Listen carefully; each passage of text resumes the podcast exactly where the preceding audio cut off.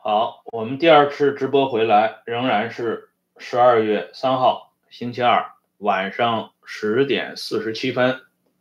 我们今天呢，来讲一下公安部副部长许建国被抓入秦城监狱的故事。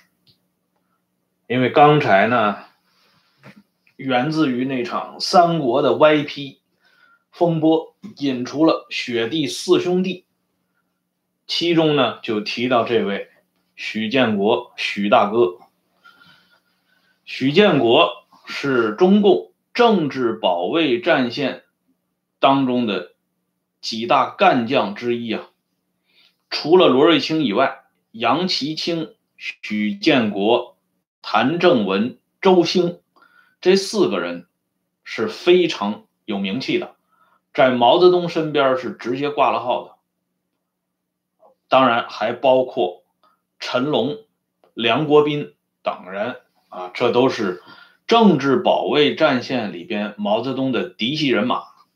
这许建国本名并不姓许，他的本名叫杜礼清，姓杜，他是湖北黄陂人啊，跟黎元洪是老乡。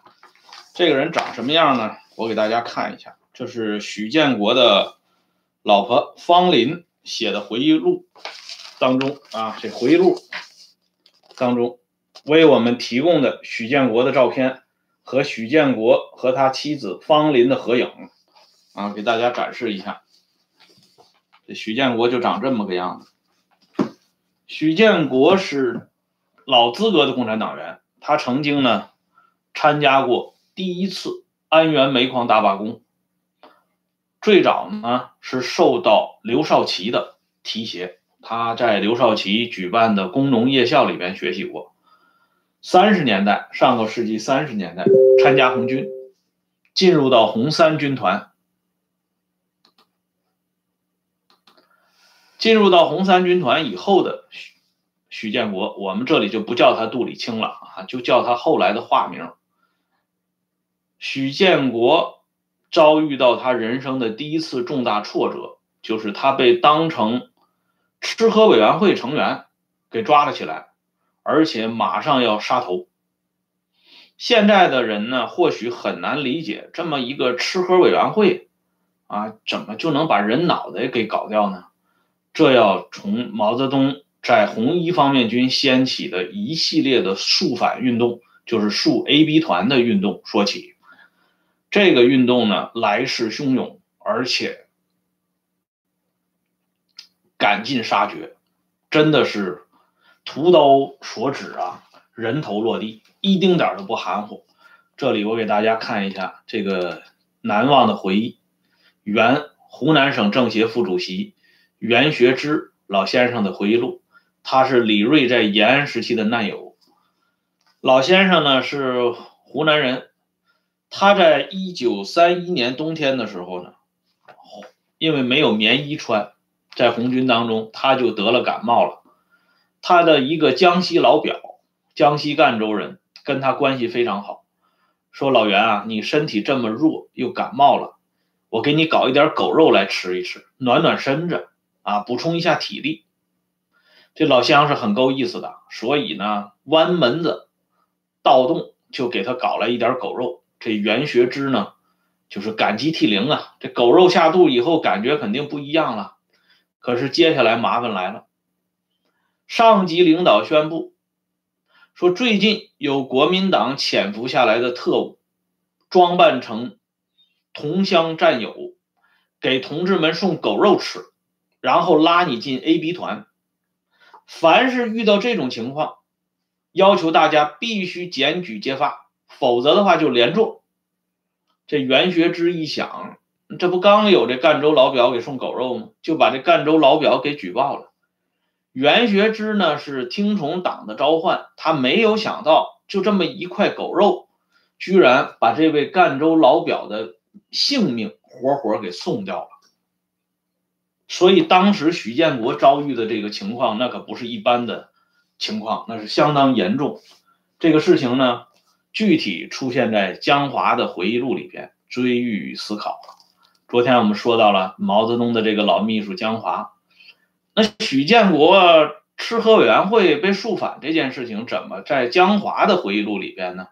因为就是毛泽东的这个秘书江华保了许建国啊。江华当时说了，他说：“我向红一师肃反委员会主任吴盖之同志担保，许建国不是坏人，他的毛病就喜欢吃一点。”啊，当时团长周彩新还有点害怕。啊，江华说：“你不用害怕，我来担保。”于是呢，江华重新介绍啊许建国入党。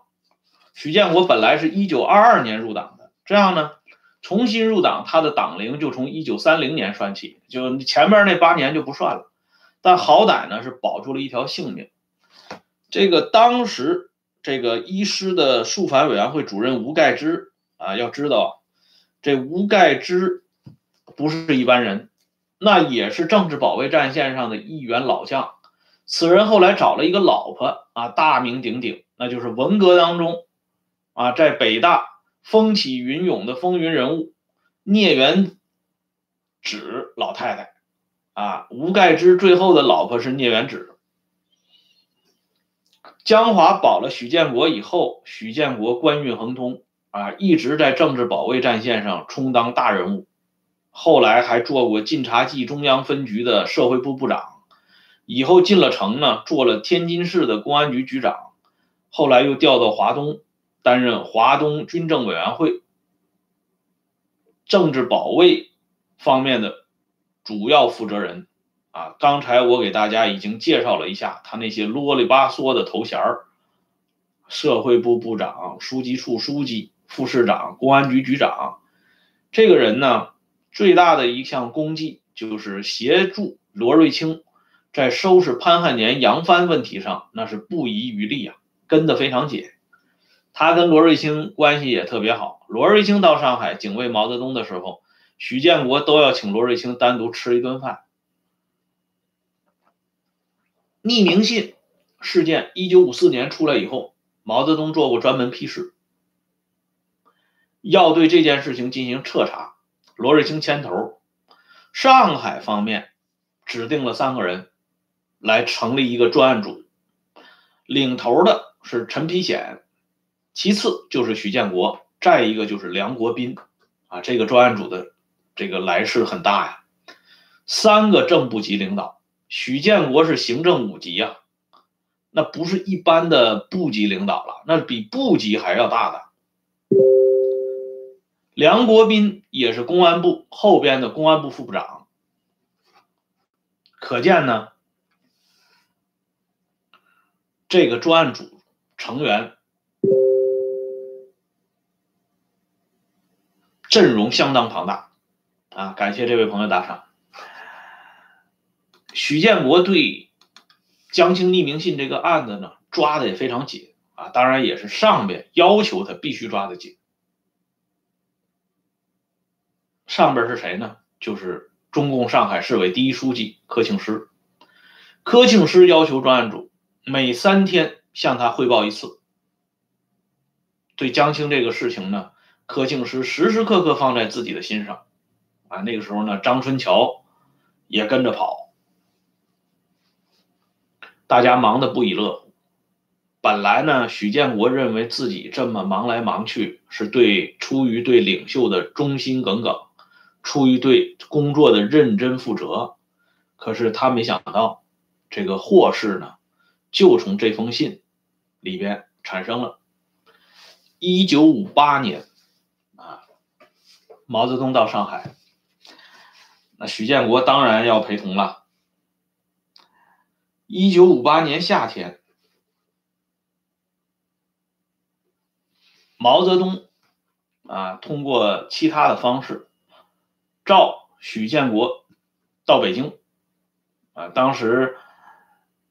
在中南海举行了一次舞会，伟大领袖呢，闲情逸致很高，似乎呢是漫无目的的啊，找许建国再说一次很简单的工作安排啊，别人呢叫许建国是许部长或者许书记等等这些说法，但是毛泽东对许建国的称呼却非常特殊。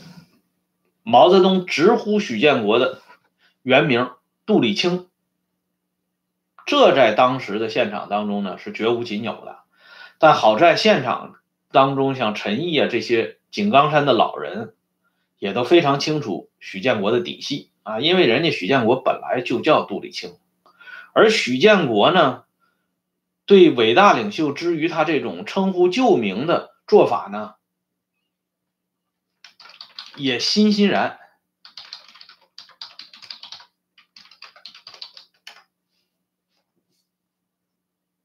为什么呢？我们都知道，以前湖南作家王跃文写过一本小说叫《国画》啊。这个小说当中呢，塑造了一个民营企业家啊，老板。姓裴，但是这个老板呢，他有点忌讳。他有什么忌讳呢？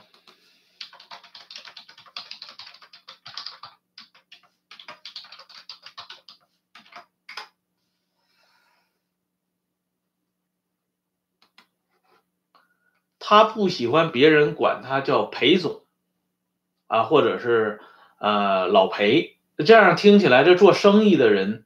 他不喜欢听这个“裴”字，所以呢，他要求他的下属啊，或者是有求于他的人，管他叫贝总啊，就是贝壳的贝，那不是象征着钱的意思吗？所以呢，大家照例都管他叫贝总。可是唯独这个市长，这个京都市市长皮市长，见面就管这位裴总叫大裴啊，还不是小裴，是大裴。呃，这样呢？这个裴总呢，居然也是啊，面有欣欣然的接受了。从这个小说里边啊演示出来的这个官场的潜规则，我们再来看毛泽东称呼许建国，许建国的脸上为何啊欣欣然，就可想而知了。因为许建国就是让大家看一看，你看领袖跟我这个关系那不一般呐。一下子就能叫出我原来的名字，而别人要是叫许建国、杜立清，许建国肯定不答应嘛。可是伟大领袖这一次呢，不是打算跟他叙旧的。毛泽东开场就单刀直入的问许建国说：“杜立清，外交战线要加强，你出去出国当几年大使好不好？”这许建国呀，一听。就马上就说了，说主席知道我是一向搞公安保卫工作的，干外交是外行啊，啊，毛泽东说外行可以变内行吗？啊，外交工作需要有老同志去加强。许建国完全没想到啊，这个安排有什么特殊之处啊，就以为是正常的工作调动，于是呢，他接受了任务，担任驻罗马尼亚大使，以后呢，又担任驻阿尔巴尼亚大使。作为一个公安部的副部长，派驻到社会主义国家去当大使，这本身就非常奇怪。因为公安政治保卫战线上的这些重要骨干人员，他们一旦失宠之后呢，首先是要把他们从原岗位进行调离，这样呢，避免。他在继续影响原来的同事和战友，也避免他继续泄密，所以对许建国的处理一开始是冷处理，把许建国先从公安部副部长的位置上调离。而这个提议呢，是谁提议的呢？陈毅提议的。陈毅或许并不知晓为什么要调离许建国，但是这件事情。确实是由陈毅向毛泽东和周恩来提出，即用所谓加强外交战线为名，把许建国调到罗马尼亚去。而接下来的事情呢，就显得更为蹊跷了。这一般呢，大使都要回国续职，啊，述职，但是许建国没机会回国述职。在外边呢，呼尔罗马尼亚、呼尔阿尔巴尼亚，总之呢异常奔波，终于有机会找他述职了。就是一九六七年春天，周恩来一个电话，让许建国赶紧赶回北京，到北京饭店等着他。周恩来有话要问他。许建国回到北京以后，马上赶到北京饭店等候周恩来的召见。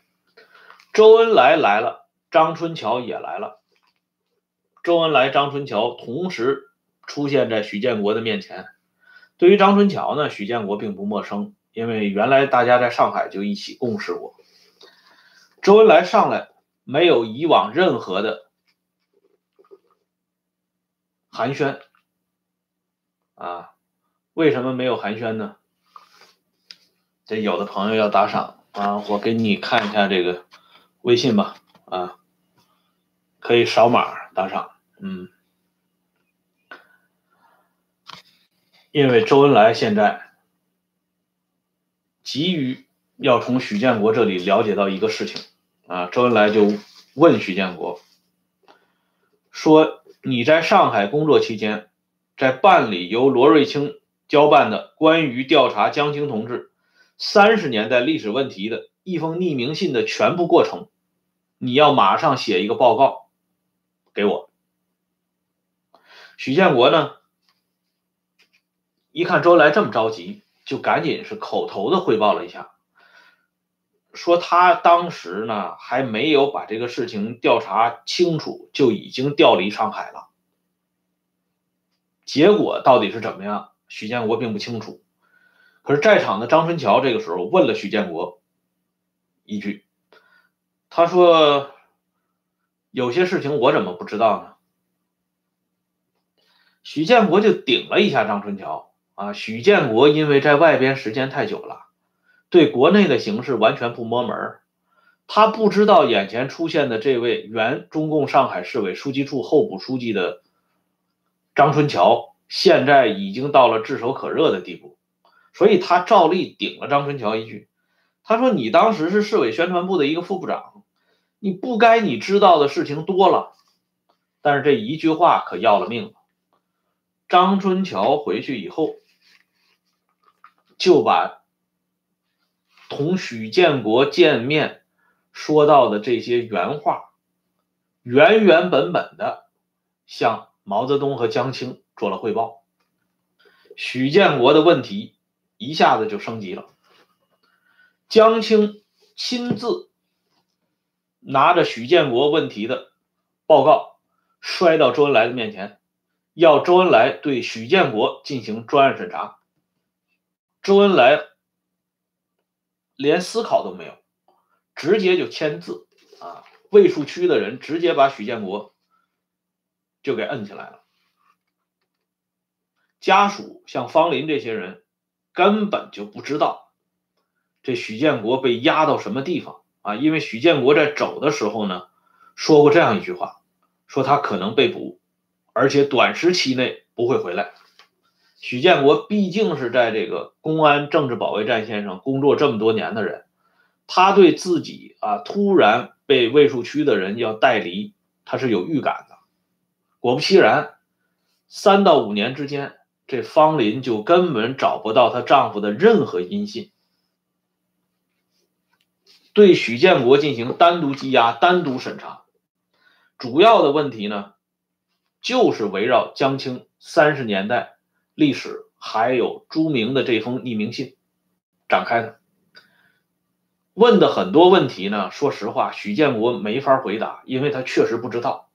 但是，正如我们讲到上官云珠的那个事情一样，就是明明你不好回答的问题，他才问你，而你越答不上来，你身上的疑点就越大啊。这样折磨下来呢，到了一九七五年五月份的时候。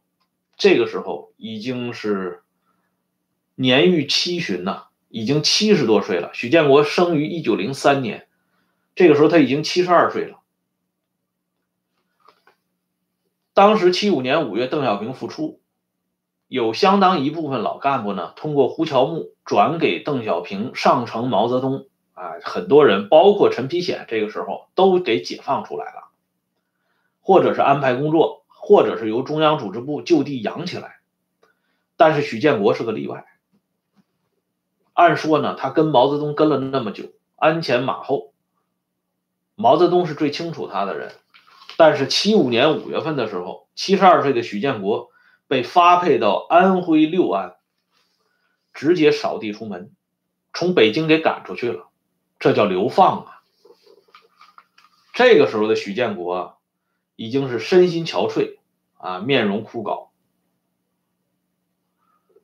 最感到神奇的是，一九七六年毛泽东死掉了，接着呢，江青等人也被抓捕。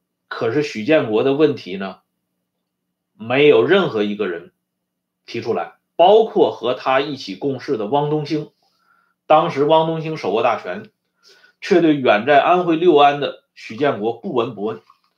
七七年初，许建国被诊断患上绝症，可是呢，家属写信给北京，不论是英明领袖华主席，还是中共中央副主席汪东兴。对这件事情都没有做任何的表态，这样拖了不到九个月的时间。一九七七年十月四号，许建国含冤死在安徽省合肥市，终年七十四岁。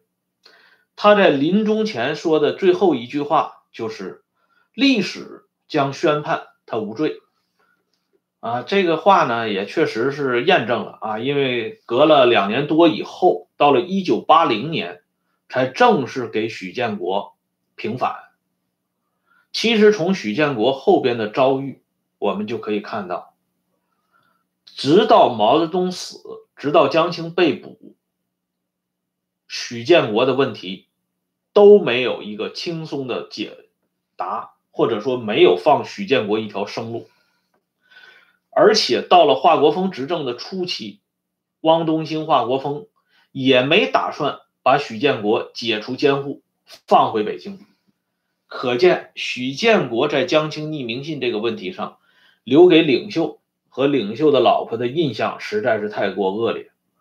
而他们呢，仅凭这些莫须有的罪名，就这样一个啊长期。忠心耿耿服侍他们很久了的这么一个老奴仆，就打入十八层地狱，彻底不得翻身。由此也可见，这对夫妇确实是不同寻常，手段也是天下第一。而这个许建国这个事情，事实上仅仅是一个开头啊，因为同时跟许建国在一起的梁国斌。也被抓了起来，啊，当然呢，梁国斌的运气好过许建国，啊，他没有被折磨死，啊，只是被折磨成残疾了，所以活着出来以后，到了一九八零年三月，梁国斌也是重病缠身，一命呜呼。梁国斌死前最大的愿望是希望能够看到刘少奇被平反。啊，因为梁国斌是新四军出身，他跟刘少奇的工作关系很早就建立起来了啊。他对刘呢还是比较崇敬的，所以希望老首长将来能够获得平反昭雪。但是梁国斌没有看到这一天，三月份就走了，五月份刘少奇平反。从许建国、梁国斌这些人重量级的人物啊，他们在江青匿名信上摔了有史以来最大的一个跟头。而且一旦摔下去以后呢，再也爬不起来了，就可知由朱明给江青写的这封匿名信所引发的一系列的灾难是何等深重。而明天呢，我们这个朱明系列呢就将收尾了啊，我们来讲一下下一个被这个匿名信牵连进来的海军副司令员兼东海舰队司令陶勇和他的老婆朱兰。啊，这是又是一个大个人物。好了，今天呢，咱们这个节目呢就先说到这里，谢谢这两位朋友的打赏。